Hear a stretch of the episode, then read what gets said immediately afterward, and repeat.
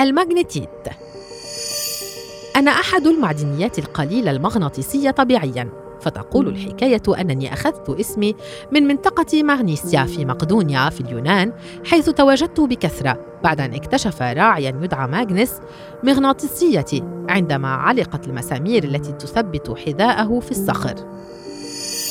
لوني أسود بشكل عام. أتكون من 72% من الحديد وبالتالي أنا أهم خام للحديد قبل الهيماتيت وأتواجد على شكل بلورات صغيرة ثمانية الأسطح في الصخور النارية والبركانية وفي الرمال على شواطئ البحار. عرفني القدامى منذ الألف الأول قبل الميلاد. وصفني لأول مرة المؤرخ الروماني بلينوس القديم سنة 77 ميلادي. واستعملني البحارة القدامى حتى القرن الثامن عشر بسبب ميزة المغناطيسية حيث أن حملت سفنهم أحجار لمغنطة بوصلاتهم.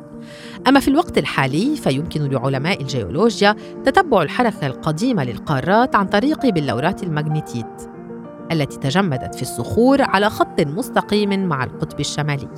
ووفقا لأبحاث علمية فإن خلايا الإنسان تحتوي على بلورات من المغنيتيت وهذا قد يساعد في فهم الخصائص الكهرومغناطيسية التي يتسم بها جسم الإنسان. أتواجد في الكثير من بقاع الأرض في صحراء أتاكاما في تشيلي في كندا، سويسرا وإيطاليا والنمسا والولايات المتحدة الأمريكية وروسيا.